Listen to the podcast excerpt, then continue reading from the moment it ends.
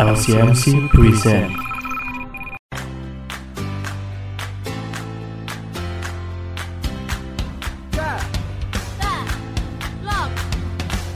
Kabar terbaru dari library yo guys. Hai UC People, selamat datang di Katalog, kabar terbaru dari Library lo guys.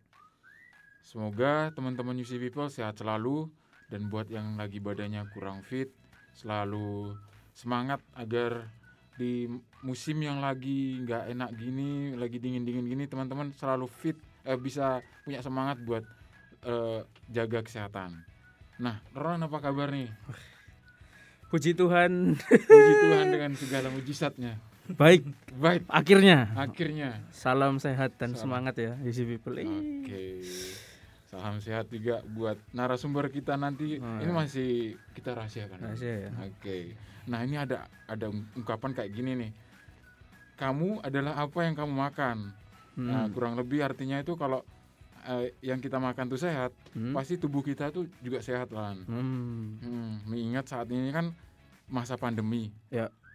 Selain kita dianjurkan untuk menjalankan protokol kesehatan, kurangi stres, kita juga dianjurkan untuk makan makanan yang sehat, yang bergizi, Hmm. biar tubuh kita tuh punya imun yang kuat.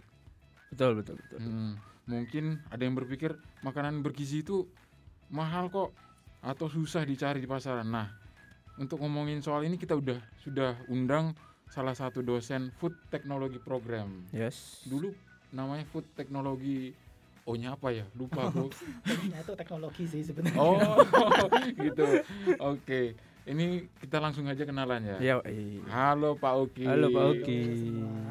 oke Pak Oki sekarang kesibukannya apa Pak Sekarang ini kan karena akhir semester jadi mengurusi nilai sama membuat RPS untuk semester depan.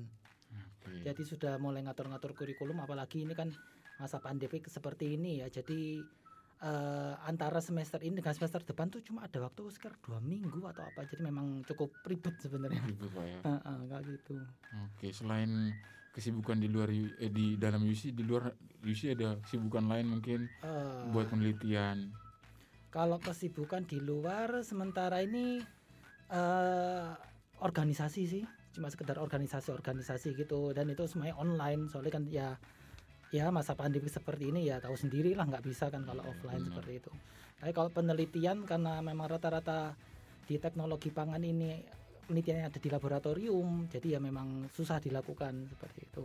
Cuma Nah, memang nih eh, saya sedang menjalani satu penelitian bersama eh, teman dari hukum gitu kan masalah regulasi oke. tentang regulasi pangan ya seperti itu. Jadi terpaksa penelitiannya tuh diarahkan ke luar lab di luar laboratorium. jadi Pak Oki ini lebih fokus ke penelitiannya Pak ya Eh, tidak juga sih maksudnya bukan bisa dibilang Eh. peneliti gitu ya eh, bagaimana bisa dibilang sebagai peneliti soal makanan Ah. gitu ya bukan begitu ini soalnya kan penelitian pengabdian masyarakat sama pendidikan kan termasuk Oke. dharmanya dosen Iya, gitu. benar. Jadi memang ya ketiga-tiganya wajib sejalan gitulah. oke oke oke nah teman-teman kemarin tuh saya sempat baca artikel salah satu artikel di kabar eh, IT berita Times. online nih, Time Ah, iya. Indonesia itu ya nggak apa-apa ya sebut merek ya Gak apa-apa, bebas. nah itu Pak Oki sempat menjelaskan eh, sempat mene- menegaskan kalau mempelajari gizi adalah belajar mengenai hidup Kehidupan, ya. Nah, itu mungkin Pak Oki bisa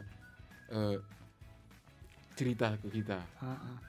Jadi ini adalah pengalaman pribadi saya ya. Jadi eh, saya kan belajar gizi ya. Semuanya yang di teknologi pangan sudah tahu lah. Kalau dari S1 ini sudah belajar gizi seperti itu.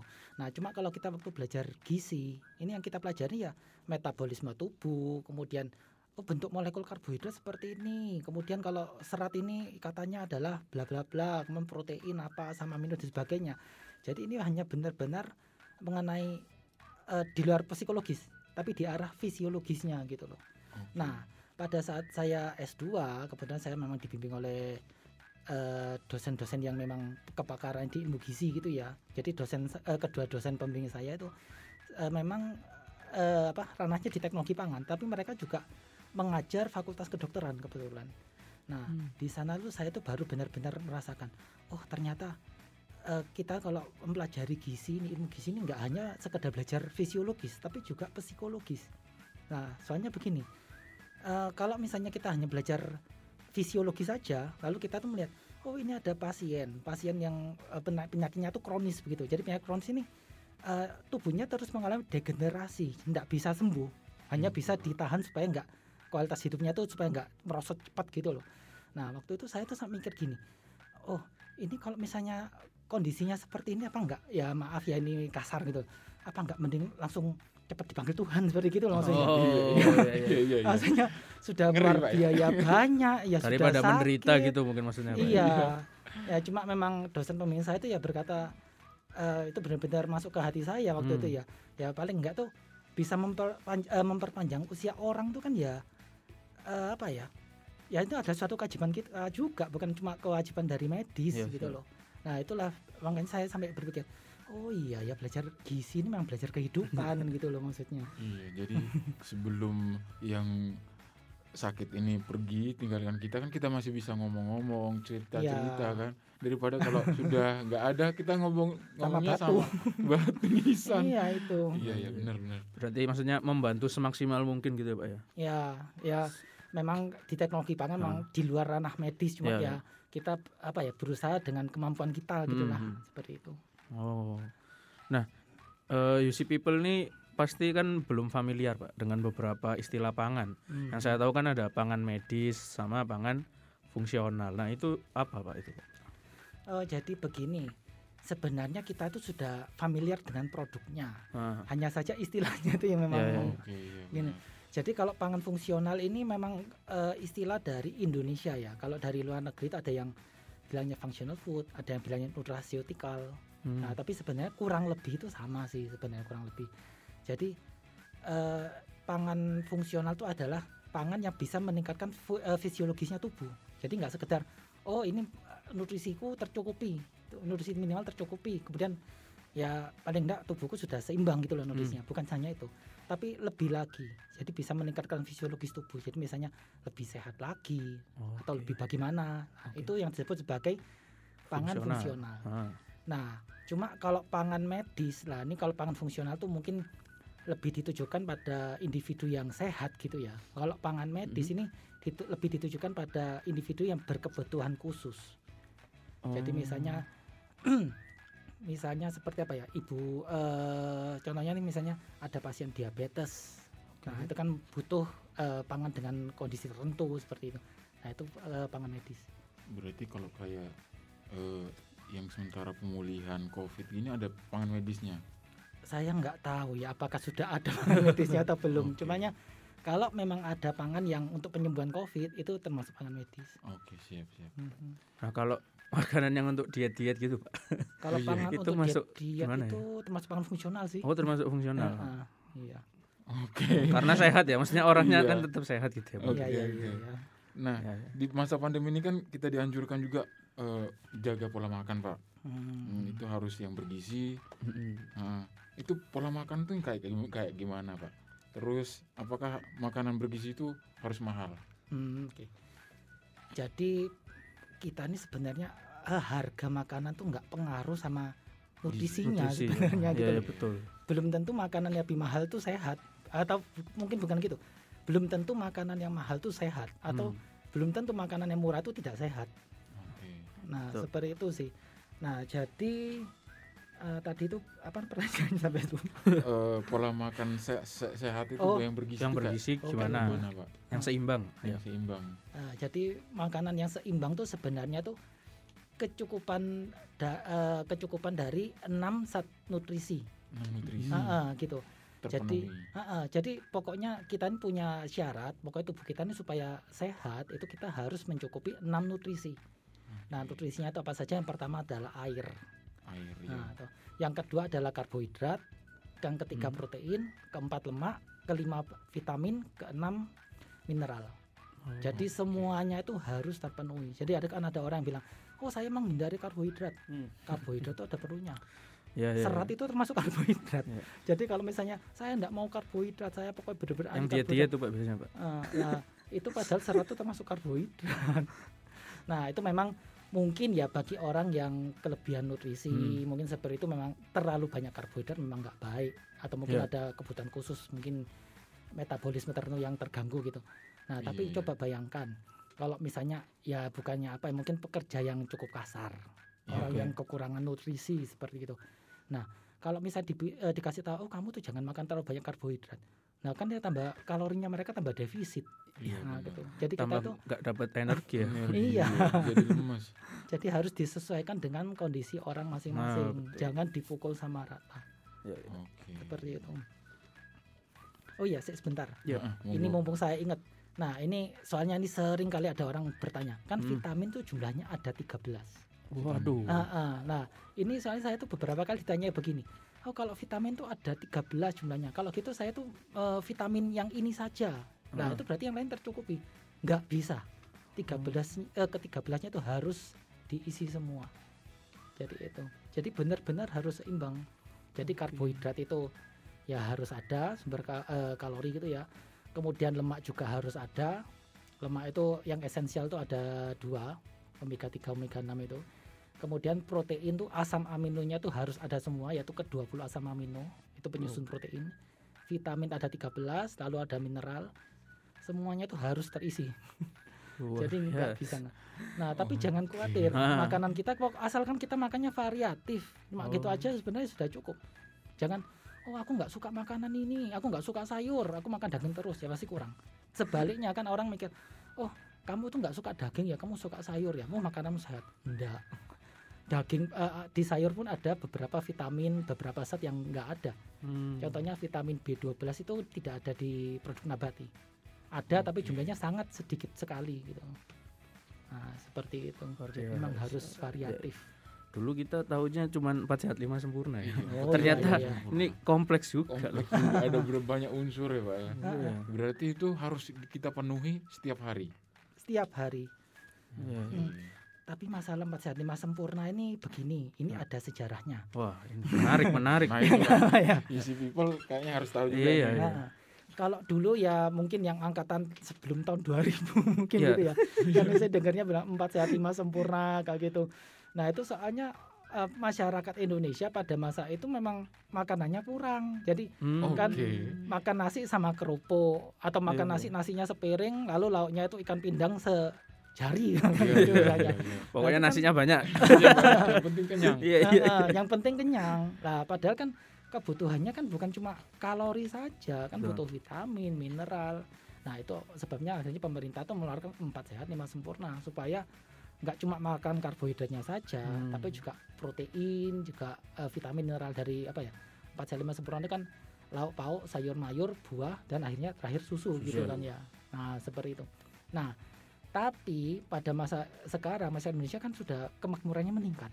Iya. Nah, ini memang nggak semua ya. Kalau menurut datanya eh, Badan Statistik Nasional (BSN), ya. Eh, Iya. BSN ini, ini sebenarnya masyarakat Indonesia yang kekurangan kalori itu masih banyak.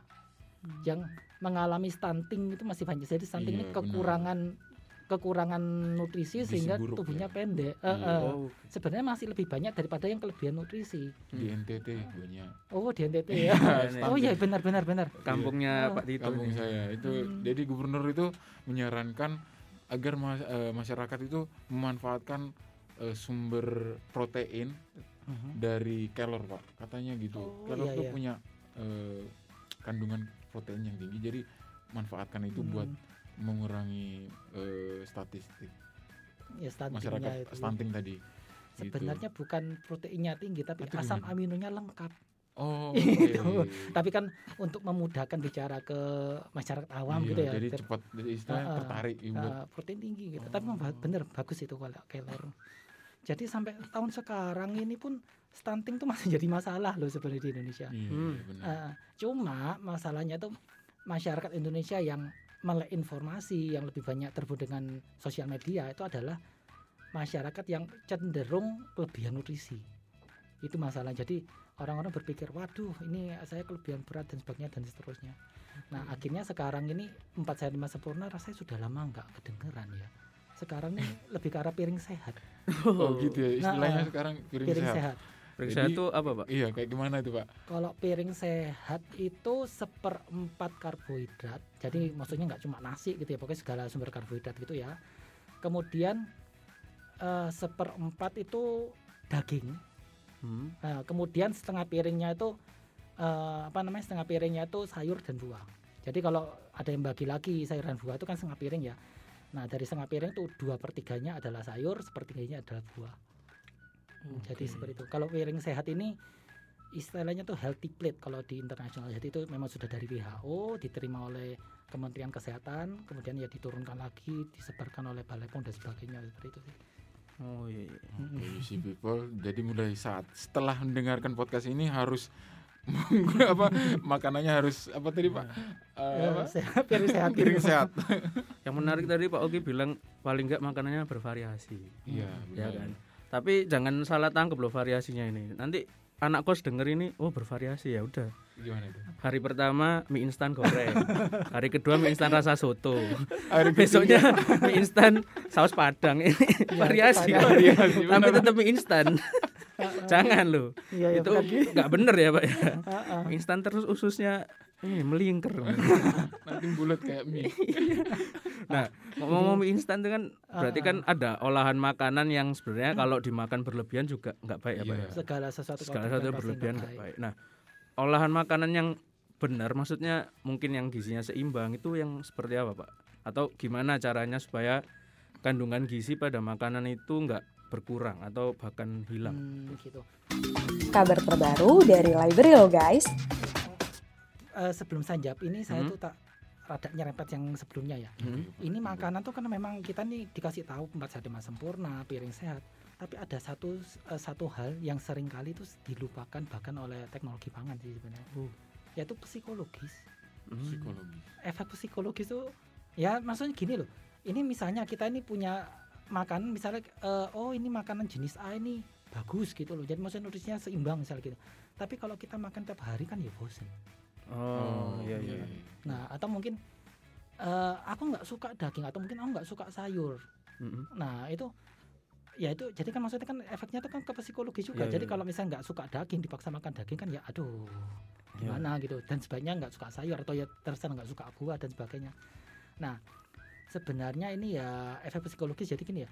Kita tuh eh, apa ya istilahnya tuh pleasure eating pun ya nggak masalah gitu loh. Jadi Mm-mm. maksudnya, Mm. wes aku mau makan yang banyak gitu misalnya aku aku lagi doyan ini.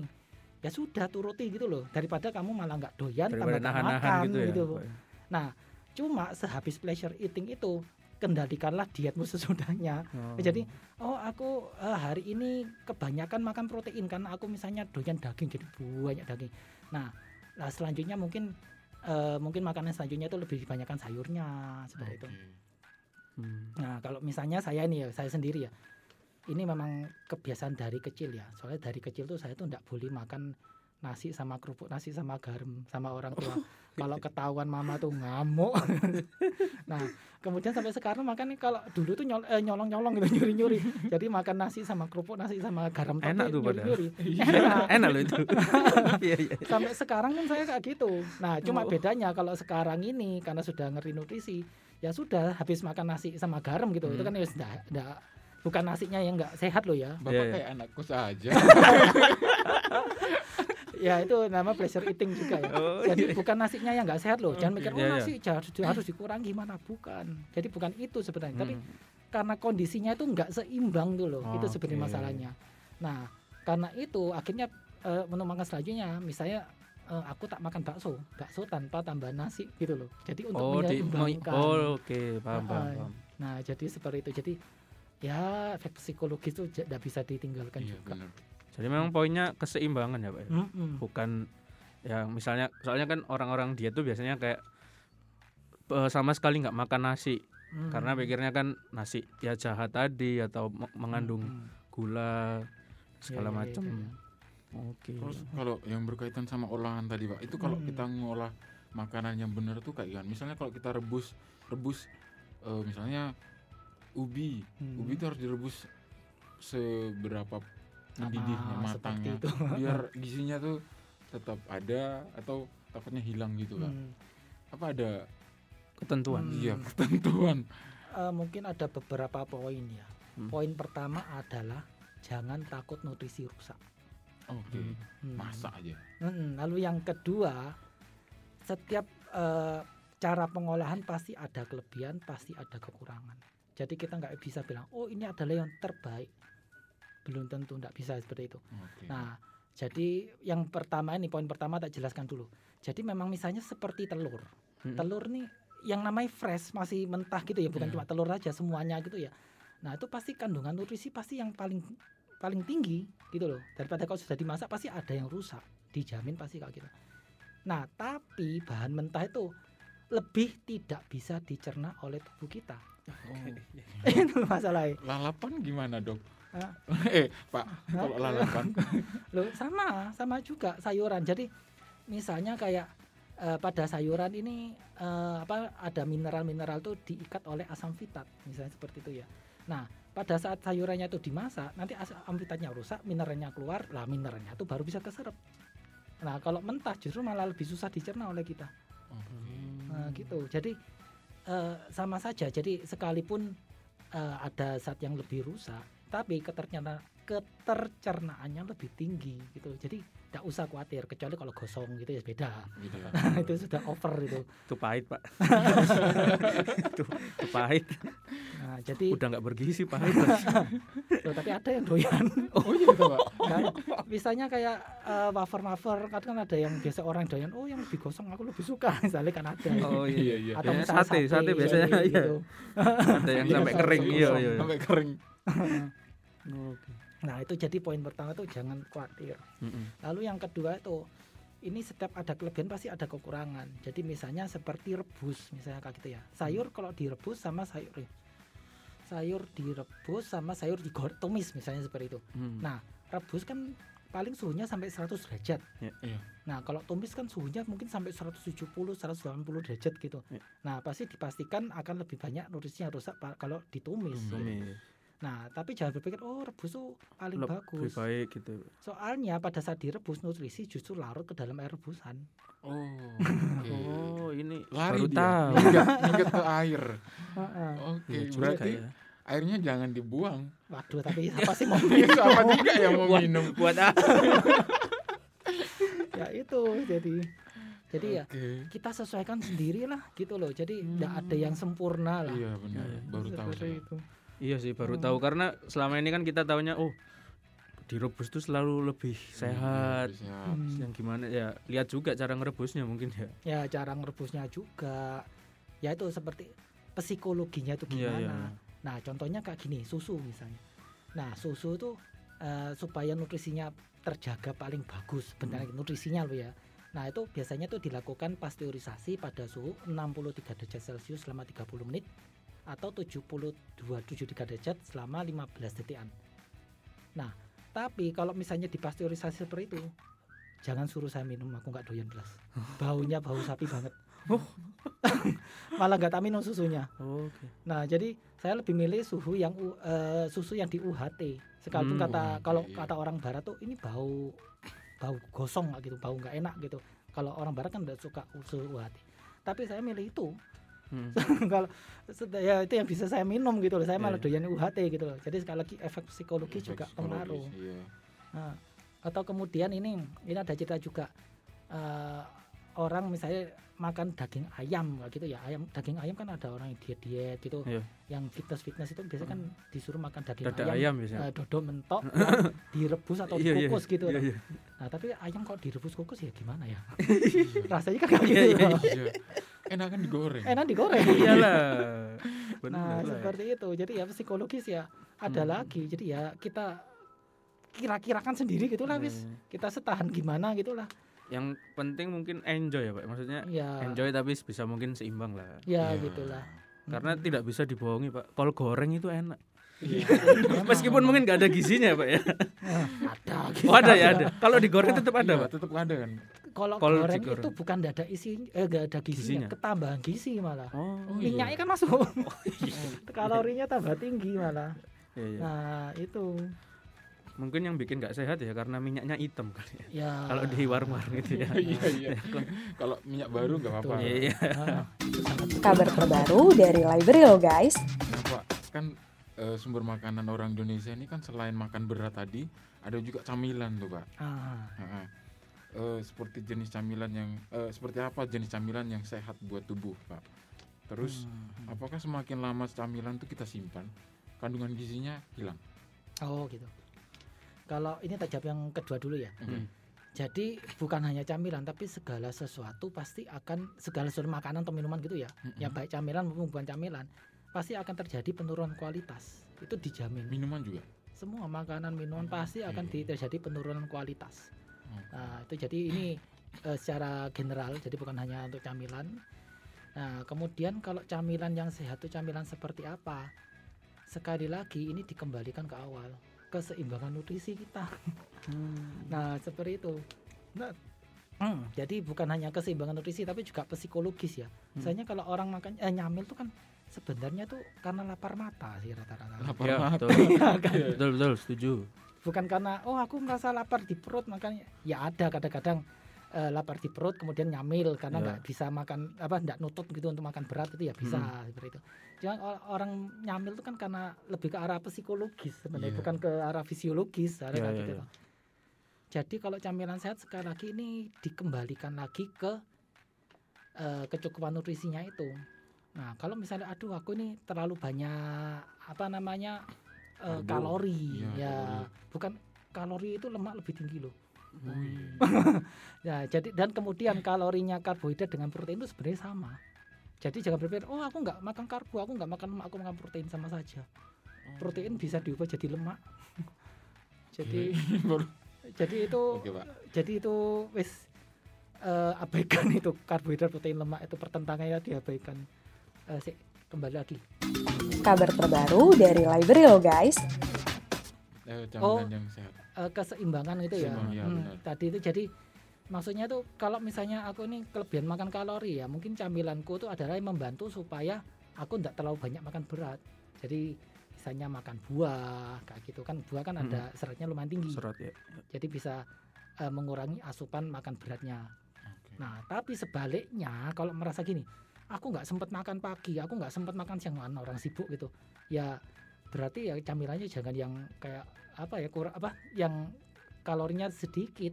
Ya justru yang kalorinya lebih tinggi gitu. Jadi mungkin camilannya berupa cake, berupa brownies yang kalorinya itu satu potong brownies itu setara dengan satu piring nasi plus lauk itu kurang lebih. Kalau satu piring nasi itu kalau nggak salah sekitar 150 kilokalori. Kalau cake eh, brownies itu satu potongnya atau satu potong kecil itu sekitar 400-an. Jadi satu cake ini kira-kira dua piring nasi. Nah itu kalau misalnya kita ini apa namanya butuh makanan yang apa namanya butuh kalori, butuh nutrisi, ya itu camilannya berarti yang berat. Jadi kita itu harus melihat kondisi kita itu bagaimana pada hari itu. Harus sadar juga apa yang kita Ah, udah ah. makan, Pak ya. Itu yang paling penting sebenarnya. Oke. Wow. jadi ini ya agak kepikiran gitu ya. Kok jadi berat seperti Jadi kayak beban ya. Iya iya. Loh, ini ada loh. Jadi bukan ada tapi banyak ya Hmm. orang-orang yang diet ini gini. Aku nggak mau makan nasi. Aku makan nasinya tuh hanya satu kali sehari atau mungkin nggak makan nasi sama sekali. Tapi dia tuh makannya tuh camilan tuh yang dikiranya tuh oh tuh ini kan nggak kenyang gitu loh. Heeh. Nah dikira kalau nggak kenyang tuh kalorinya kecil, belum tentu. Oh betul. Nah bayangkan saja satu piring Ya, ya. nasi sekitar 150 kilokalori, Iya. kenyang kan kita. Hmm. Nah tapi kalau kita makan satu potong brownies 400 kilokalori kurang lebih, kenyang nggak? Rasanya tetap Belum. kurang pasti ya. Rasanya Belum. tetap kurang Masih biasanya. kurang. Nambah lagi. ya itu. Tiga potong udah lebih dari secara secara psikologis tadi Pak ya. Iya, Ya psikologis tadi. itulah. Oh. Jadi seperti itulah. Tapi kalau misalnya kita sudah terbiasa gitu ya, Hmm. ini kita ini otomatis loh. Jadi kita nggak berpikir oh ini kalori tinggi, kalori rendah gitu. Wis otomatis oh tahu gitu loh. Ka- eh, ini kira-kira kalori kita ini sudah seberapa banyak gitu. Kalau kita sudah kalau udah terbiasa. gitu berasa Pak ya. Mm-mm. Oke. Oke, jadi UC people ini harus istilahnya lebih waspada. Lebih ya. aware lah ya sama aware lah, dirinya iya. sendiri. Ya, itu. Apa yang udah dimakan. Nah, nah eh, Pak, biasanya di olahan makanan olahan itu ada tanggal kadaluarsa ya. Hmm. Nah, yang saya saya pernah baca itu katanya ada kalau tanggal kadaluarsa itu dari yang tertulis itu itu sudah hari kadaluarsanya atau apa ya istilahnya? Saya boleh dimakan gitu. masih boleh dimakan sampai beberapa hari ke depan. Oh. Nah, yang benar tuh gimana? Gimana sih cara kita buat tahu oh ini udah udah udah kadaluarsa atau Hmm. belum? Kan selain selain pasti dikasih tanggal ya Iya, sama biasanya badan ada POM itu ya. Hmm. Cuman kan ada artikel yang bilang gitu soalnya. Eh, jika ini anu ya eh, tak kasih tahu kita ya. Jika Anda bukan seorang teknolog pangan, Hmm? turutilah Turuti. luar. Oh, gitu kita aja. Iya, Eh, iya. soalnya gini, eh, sebenarnya ya kalau ini yang menentukan tuh sebenarnya bukan Balai POM. Jadi Hmm. Balai POM tuh hanya menerima eh, dari pabriknya, dari industrinya. Ini tanggal kadaluarsanya adalah sekian. Hmm. Selama berapa, Hmm. selama berapa lama? Ya udah, ya, ya udah Hmm. gitu aja. Jadi Balai POM bukan Balai POM yang menentukan, Tapi karena ini ad- pabriknya. oh, Hmm. Makanya kan ini labelnya sama, tapi kan biasanya kalau tanggal kadaluarsa, tanggal produksi kan dicap sendiri kan. Iya, iya. Hmm, jadi seperti itu. jadi eh, sebenarnya itu turutilah gitu loh maksudnya. Nah, Jadi jangan Jangan nyoba-nyoba. ya, iya. Nah, yang pertama menuruti tanggal kadaluarsa, Hmm. tapi namanya pabrik kan ya kadang-kadang bisa meleset. Iya. Yang kedua adalah kita tuh mawas diri, kita tuh cicipi. Kira-kira nih Hmm. kalau kita biasa makan ini, lah ini kok rasanya ada yang oh, beda ya, sedikit. berbeda. Nah, itu itu juga kita harus mawas diri. Mm-mm, betul, Nah, betul. itu sebagai konsumen. Oke. Tapi sejujurnya artikel yang tadi Bapak baca itu Iya. ya, itu sebenarnya nggak salah ya, cuma saya tuh nggak berani nyoba-nyoba. Iya, jangan lah ya. Nah, Jangan. Soalnya gini, ahlinya.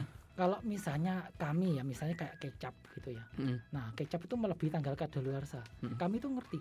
Oh, ini kecap ini kan produk fermentasi. Ini jadi eh, kami tuh mengerti karakteristik kecap yang masih eh, yang sekalipun kadaluarsa tapi masih aman dimakan tuh bagaimana tuh kami tuh ngerti kalau dari teknologi pangan Iya, gitu. iya.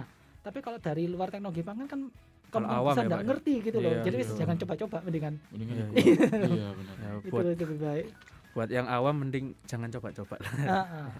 Ya, Dari- itu. Kalau ah, daripada daripada, Ya, iya, daripada. kan. takutnya soalnya kalau sudah melebihi tanggal kadaluarsa yang disalahkan berarti kita nggak mungkin bisa nuntut pabriknya dong. iya sih. Itu itu pasti. salah sendiri ya. Iya, iya. Terus kalau untuk ini dok, eh Pak, kalau untuk teman-teman news ini kan pasti ada yang punya bisnis makanan. Oh, Hmm. iya, kalau betul, mereka mau nentuin ini kada luarsanya ini hari eh, berapa bulan, itu Hmm. gimana ya Pak? Ini ada cara yang eh, apa namanya resmi Hmm. yang dianjurkan sama yang kedua tuh cara yang sebenarnya tuh sebenarnya dilakukan ya cumanya ini eh, tidak dianjurkan itu maksudnya sebenarnya ya eh, apa istilahnya? Mungkin nggak tahu. Saya tuh nggak ngerti ini melanggar regulasi atau enggak tapi yang pasti oleh Balai POM ini ditentukan ada dua cara. Jadi yang cara pertama itu adalah uji penyimpanan. Jadi dari industrinya disimpan gini. Ini makananku kalau tak taruh ini misalnya kalau disimpan pada suhu ruang misalnya gitu ya. Ini adalah eh, misalnya keripik. Keripik kan biasanya disimpan di suhu ruang. Nah ini ya kita biarkan sampai rusak sampai rusak ini kira atau bukan sampai rusak ya sampai terjadi penurunan kualitas gitu loh Hmm. nah ini berapa lama ya nah tapi cara kayak gini kan lama banget Ya. Iya. Hmm, ini cara resmi dari Balai POM. Lalu cara kedua adalah cara eh, dipercepat gitu loh. Cara yang dipercepat tuh ini eh, masuk ke dalam laboratorium. Nah, jadi ini berbayar sih kalau yang kedua ini. Oh, oke. Nah, jadi nggak bisa dilakukan sembarangan, cuma jadi lebih cepat kalau hasilnya mungkin kalau pakai yang cara pertama disimpan itu sampai berapa bulan, kalau yang dipercepat ini paling satu minggu dua minggu sudah selesai, bisa Oh. ketahuan kayak gini. Nah, itu adalah ca- dua cara yang dianjurkan oleh Balai POM. Nah, Pak.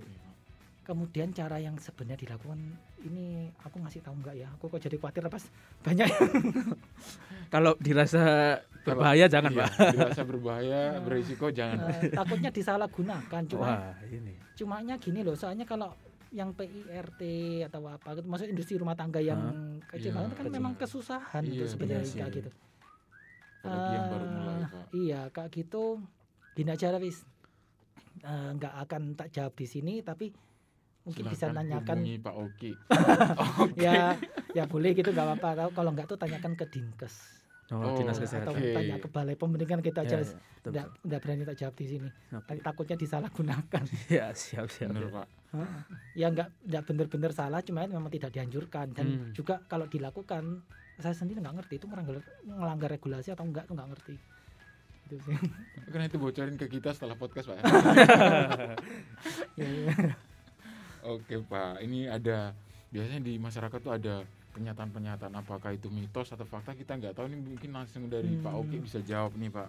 oke oke. Hmm, kan biasanya ada ada orang tuh yang bilang kalau makan biawak atau ular itu itu bisa meningkatkan vitalitas pria. Ini Hmm. mitos atau fakta? Eh, sejauh ini yang sudah pernah baca tak, tak cari semua ya kok saya nggak nemu ada penelitian kayak gitu ya itu ini kan sifatnya tuh aprosidiak itu istilahnya kan. Apa itu Pak? Aprosidiak tuh adalah makanan atau obat atau apa tuh yang bisa meningkatkan eh, aktivitas seksual kayak gitu loh. Oke. Nah, itu. Nah, eh, sejauh ini kok biasanya saya tuh melihat yang sifatnya aprosidiak itu adalah pada produk-produk nabati, misalnya pada herbal tertentu atau apa. Kalau nab- hewan itu nggak pernah tahu gitu loh. Hmm. Nah, itu jadi sejauh yang saya tahu ini masih belum terbukti secara ilmiah gitu loh. Secara tapi kalau eh, eh, tapi kalau misalnya ternyata wah sudah ada penelitiannya berarti ini saya nggak baca gitu loh. Oke. Tapi sampai sejauh ini kok nggak pernah ada penelitian tentang itu. Cuma ini eh, kalau di Surabaya ini kan sering ya darah kobra gitu kan ada Wah, tuh. Ada Iya, iya, tadi iya, itu iya. bener. Eh, mau dekatnya salah satu stasiun gitu lah itu Iya. sering lihat atau Hmm. di Vietnam tuh juga ada minuman beralkohol itu dari darah darah ular juga tahu ular apa Iya. nah itu nah seperti itu ya Eh, selama belum dibuktikan ya ya sudahlah itu nggak bisa bilang apa apa ya tergantung kepercayaan masing-masing Iya, mungkin kayak gitu sih kepercayaan sih Pak. Hmm, Itu kearifan lokal itu. Mas. Kearifan lokal, iya. Nggak tahu itu. kearifan lokal Selama belum berisiko buat tubuh, dicoba terus. ya paling enggak kan ya eh, ya tapi kalau ular nggak tahu ya bisanya tuh gimana gitu tapi Iya, kalau iya. sejauh ini rasanya nggak ada yang keracunan gitu Iya. jadi nggak masalah ya Nggak ada, Harusnya. iya, nggak ada kabar soal itu. iya itu Nah, mitos atau fakta yang kedua nih, Pak. Kalau berbagai buah dijadikan satu, kan buat yang suka jus ini ya. Ah, Tapi sering kan ditambahin susu gitu.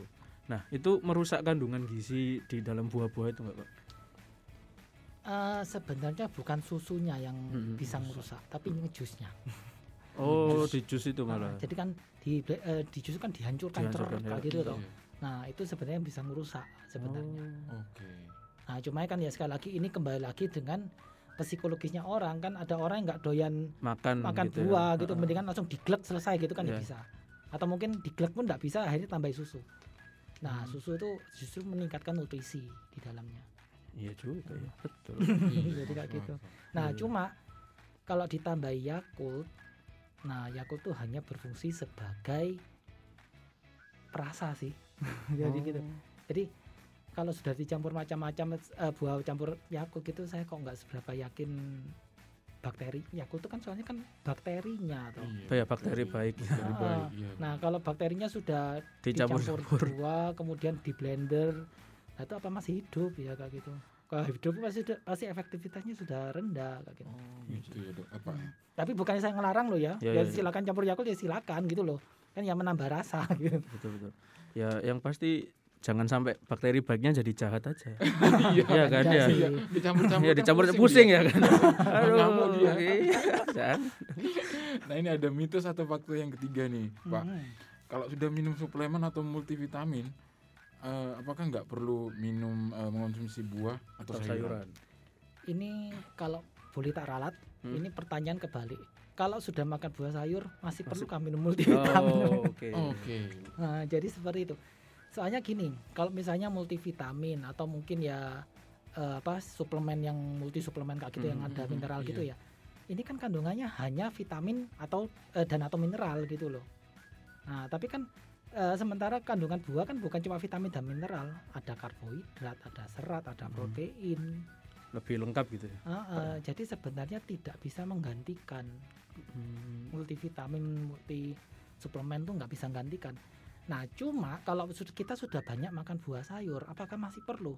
Multivitamin. Hmm, jika tubuh kita sehat, metabolisme kita normal, dan kita tuh banyak makan buah dan sayur, sebenarnya kita tuh nggak perlu juga gitu loh. Tercukupi pasti sudah. Hmm. Nah, kecuali eh, pada kasus tertentu, misalnya kita ini baru sembuh dari sakit, atau mungkin kita sedang sakit, atau mungkin ya kondisi COVID seperti ini kan kita dianjurkan minum vitamin C dosis yang lebih tinggi. Nah, itu memang kita perlu, atau mungkin kita olahragawan. Nah, itu Oh, memang iya, iya. perlu karena antioksidan kalau itu ya, itu antioksidan itu bisa meningkatkan stamina bagi olahragawan. Jadi itu. Nah kemudian kalau misalnya eh, saya nggak mau minum itu multivitamin, saya nggak mau minum suplemen vitamin C. Saya tuh maunya makan yang asli dari buahnya langsung misalnya kayak gitu. Mhm. Itu juga nggak masuk akal sih. Soalnya gini, 500 eh, gram eh lima ra- vitamin C 500 mg tuh kalau nggak salah setara dengan 10 butir jeruk kalau nggak salah. Wuh, 10 butir Oh nggak salah loh. Eh, jadi Asam ya lambung naik pak. ya, 10 butir jeruk. eh, jadi maksudnya oh karena itu suplemen itu produk olahan dari pabrik itu jelek itu tidak alami. Iya, karena ya ada enggak gitu kandung- juga gitu loh. Ya, Oke. Hmm.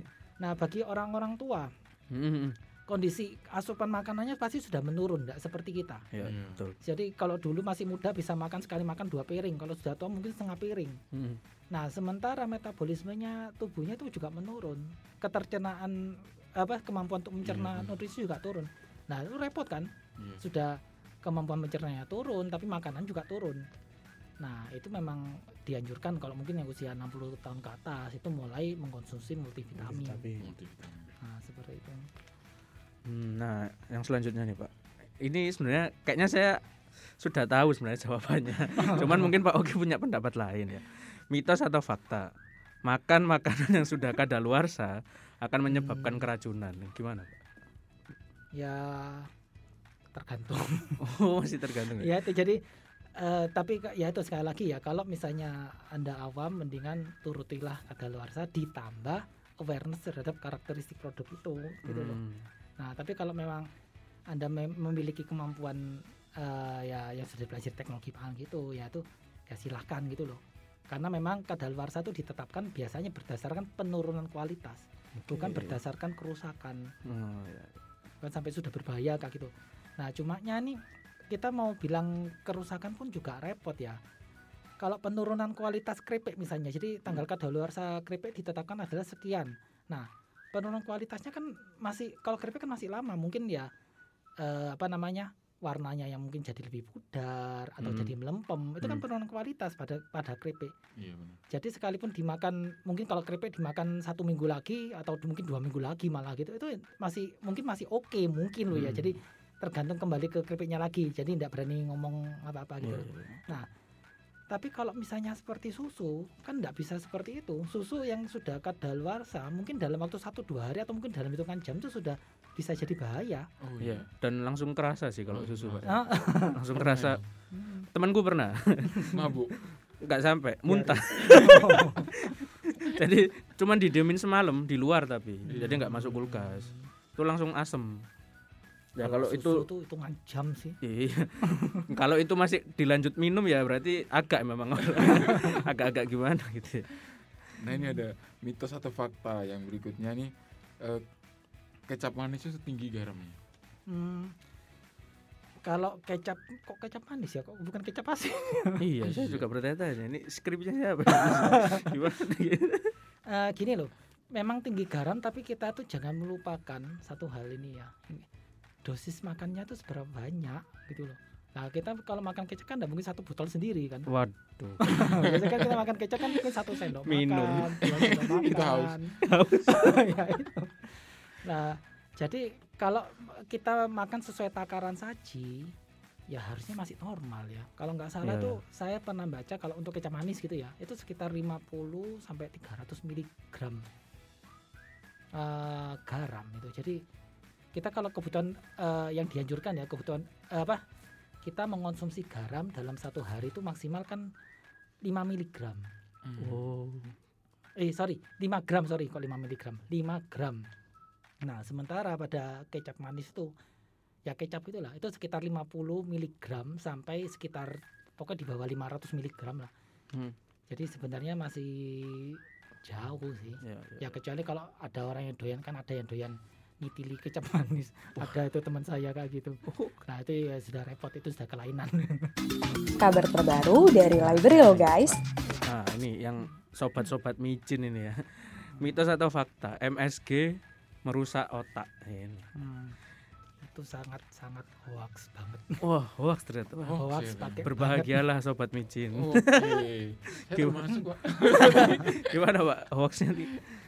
Jadi sebe- eh, dari dulu dari Hmm. sudah 10 tahun lebih saya tuh selalu bilang garam jauh lebih berbahaya daripada MSG.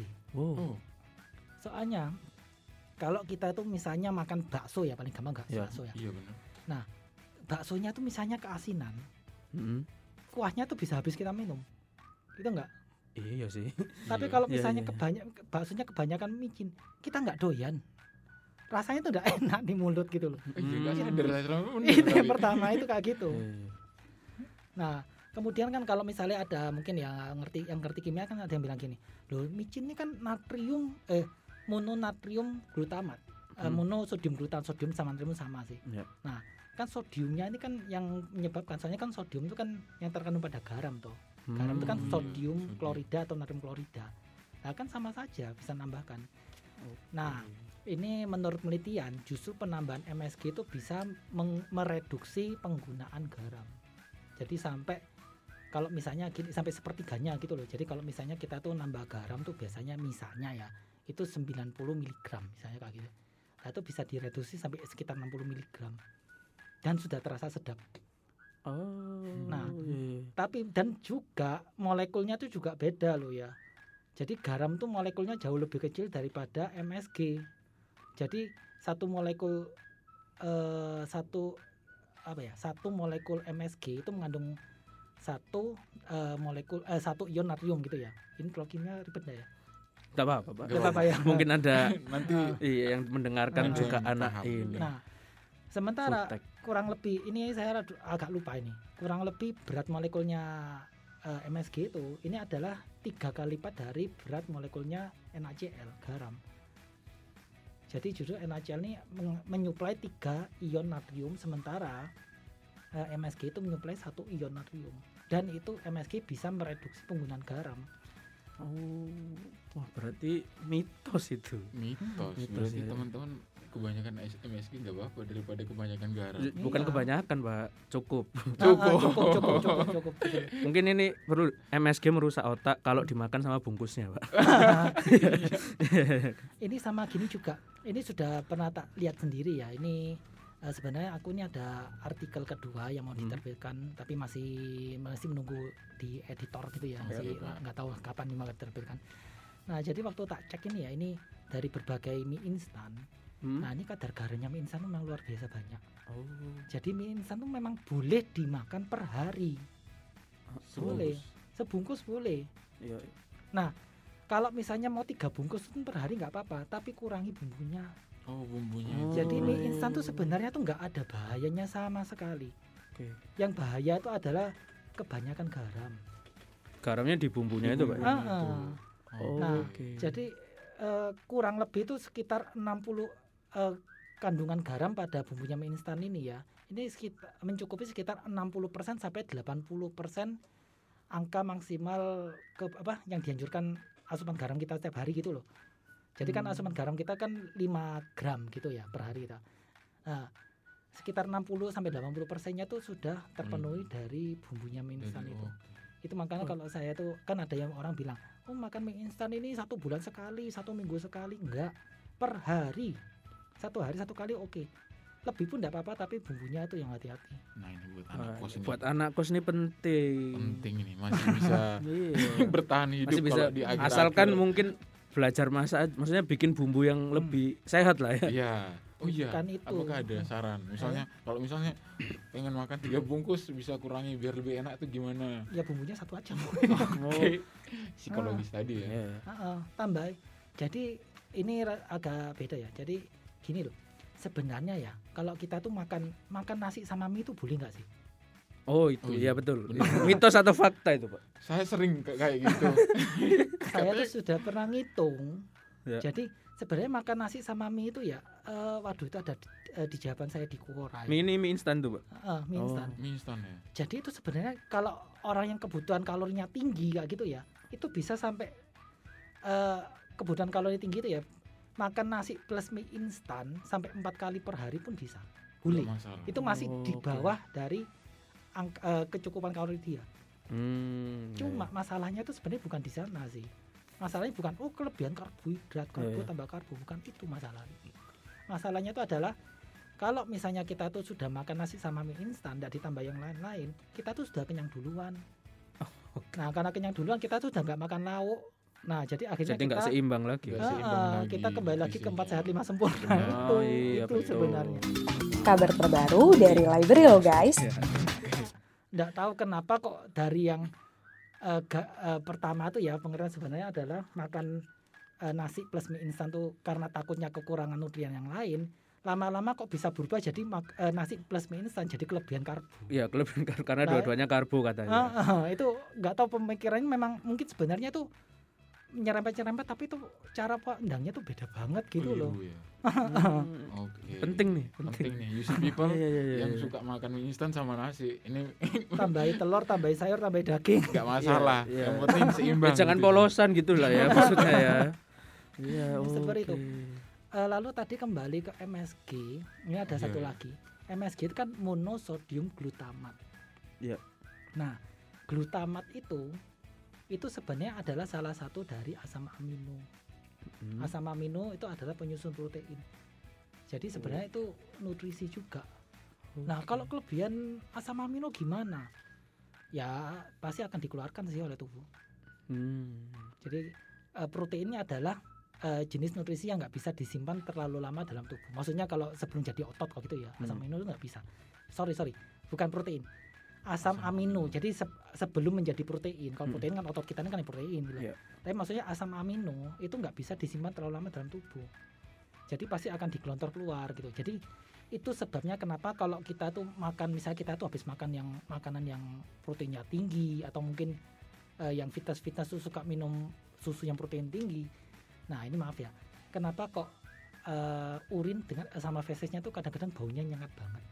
Hmm. Nah itu sebenarnya protein yang dibuang. Oke. Jadi sebenarnya kayak gitu. Dan memang ada sih orang alergi gitu memang ada. Jadi orang eh, alergi MSG. Tapi kalau misal orang alergi MSG itu ya orang rata-rata banyak yang alergi protein kan. Ada yang alergi udang, alergi ikan. Hmm. Nah kalau misalnya eh, saya alergi ikan misalnya. Nah tapi saya kan nggak pernah bilang, oh kamu jangan makan ikan nanti anu karena alergi bla bla bla. Kan gitu toh. Iya. Nah ngapain kalau MSG padahal kan kondisinya juga sama sih. Oh aku Oh. alergi MSG. Kenapa kok saya harus bilang, oh kamu jangan makan MSG, berbahaya. Hmm. Kan sebenarnya kan kondisinya sama, tapi kenapa kok MSG yang jadi kambing hitam gitu loh maksudnya. Kasihan sekali ya Ki. Sama kayak nasi, sering jadi kambing hitamnya orang diet. Iya bener. Iya, iya. Padahal penting. Iya penting. Enggak. kalori. Ini kalau pengalaman saya diet, jujur saja ya. Semenjak kerja di UC itu saya naik 6 kilo. Wah bahagia. Apanya bahagia? Stres. Nah, selama apa? eh, selama satu tahun kemarin ini kan kita banyak WFH. Iya, iya, apa. betul. Iya. Saya berhasil sampai sekarang kita eh, saya tuh berhasil menurunkan sekitar 6-7 kilo. Nah, Sekarang naik lagi. enggak turun, sampai turun. Nah, jadi ini masih mau tak turunkan lagi gitu loh. Iya iya. iya. Nah, ini sebenarnya kalau dari pengalaman saya, musuh utamanya orang diet itu adalah rasa lapar. Mm-mm. Sebenarnya kayak gitu. Nah, kalau kita makan nasi, kita tuh bisa kenyang. Nah, makanya saya tuh nggak nggak pernah lepas nasi. Saya pasti sedikit-sedikit makan nasi supaya kita eh, aku nih merasa oh ini aku kenyang. Jadi keinginanku untuk nyamil tuh bisa diring. Secara psikis tadi tuh Pak ya. Ah, ya bukan psi- eh, psikis sih, itu sudah fisiologi sih. Oh gitu. Heeh. Karena memang bikin kenyang lah. Ah, ah, memang gitu. Oke. Jadi akhirnya eh, keinginanku untuk nyamil tuh akhirnya bisa direm gitu. Hmm. Nah, tapi kalau misalnya aku menghindari makan nasi, nah ini kan aku terasa lapar terus. lapar terus. Nah, ini kepingin tangan ini sudah kepingin Iya, magang iya camilan juga gitu sih. loh. Itu masalah nih. Hmm. Ya orang tuh ya adalah berbagai jenis diet, cuma yang paling cocok yang tak kerjakan eh, tak lakukan sekarang ya seperti itu, nggak lepas nasi. Oke, luar biasa. Banyak ada- sekali info yang Iya, kita dapat dari Ini Pak. ada lagi mitos atau fakta nih. Yang terakhir nih, Pak. Aha. Gula aren itu lebih sehat. Itu Hmm. mitos atau fakta?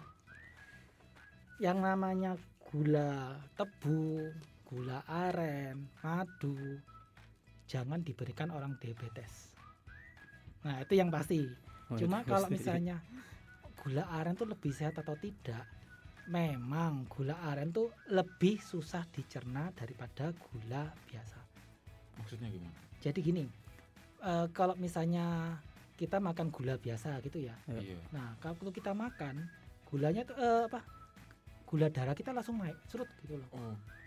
Nah, kemudian tapi kalau kita makan gula aren, nah karena ini ada karamelnya, kemudian ada kan itu nggak murni kan gula aren, ada proteinnya, Hmm. ada apa gitu.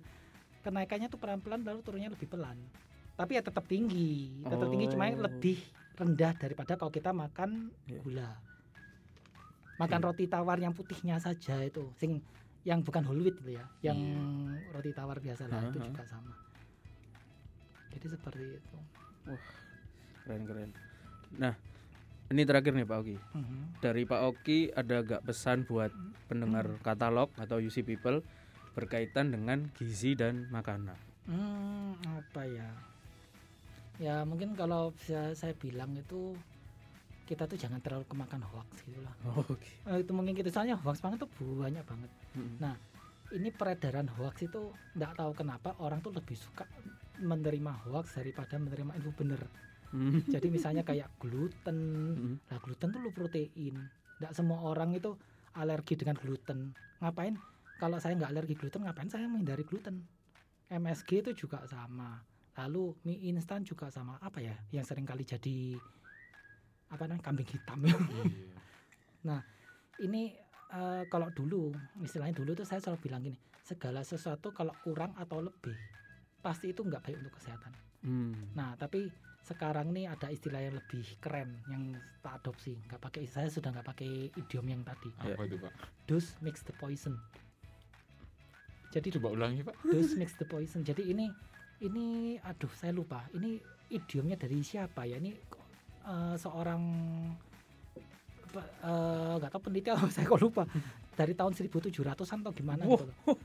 Eh, saya lupa tuh. Nggak tahu ini perlu dicek lagi. Iya iya iya. Nah, jadi Terus sebenarnya yang menyebabkan berbahaya itu itu bukan jenis makanan tapi dosisnya. Oh, iya.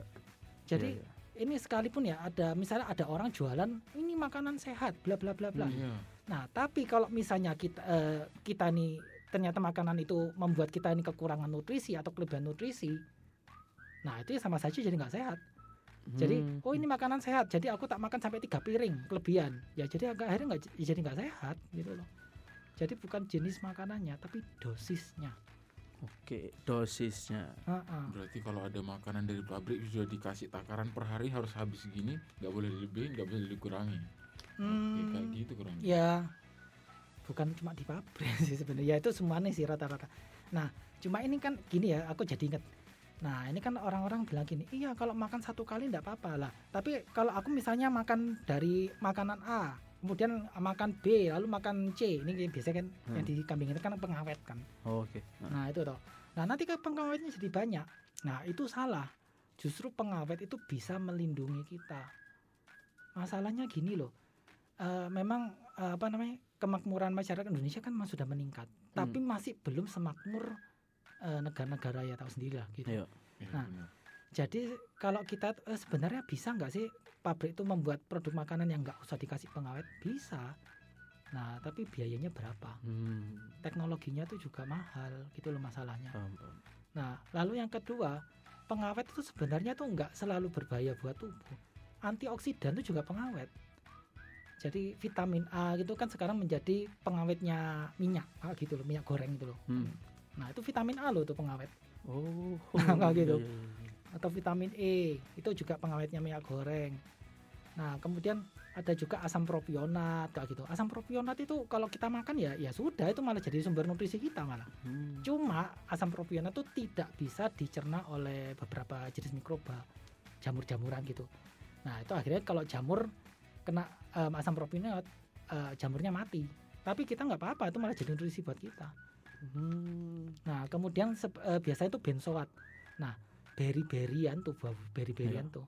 Nah itu secara alamiah mengandung benzoat dosis tinggi. Nah itu Oh. sebenarnya gitu.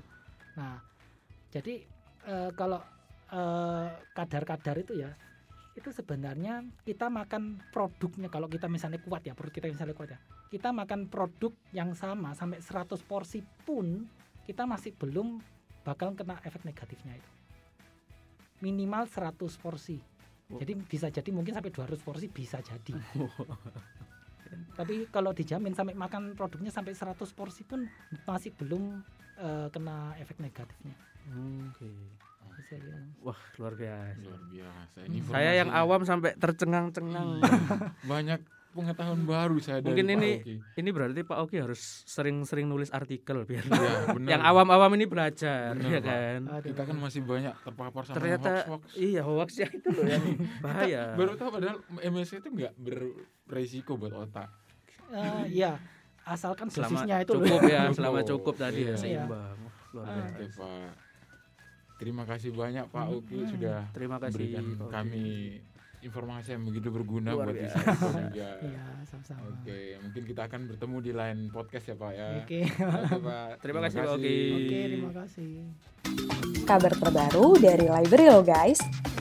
Nah, UC People, tadi kita sudah dapat banyak banget informasi seputar gizi dan makanan sehat tuh dari Pak Oki. Nah, untuk teman-teman UC People nih yang ingin menambahkan informasi biar terhindar dari hoax yang sudah kita bahas tadi, teman-teman boleh langsung cek buku-buku yang ada di UC Library seputar makanan dan gizi. Nah, untuk yang pertama nih Lan, Hmm? ada buku yang berjudul Makanan Berkhasiat karangan Anna Selby. Kalau teman-teman mau pinjem eh, call numbernya 641.302 SELM. Nah, buku ini cocok banget untuk UC people baca di masa pandemi. Yang mana menuntut kita untuk selalu sehat. Di buku ini ada informasi tentang 25 makanan bergizi super untuk kesehatan prima nih. Selain informasi kandungan gizi, ada juga informasi penting tentang khasiatnya kalau kita konsumsi jenis makanan-makanan tersebut. Lebihnya lagi, pada buku ini diberikan panduan cara mengolahnya loh. Nah, tepat eh, tepat banget kan buku ini untuk menemani UC people selama di rumah aja. Jadi kalau ragu beli makanan di luar rumah, teman-teman bisa sekalian praktekin panduannya yang ada di buku ini. Nah, betul. Mending kalau masa pandemi gini, Pak. Eh, gimana? jangan sering-sering beli makan di luar, Resiko resiko.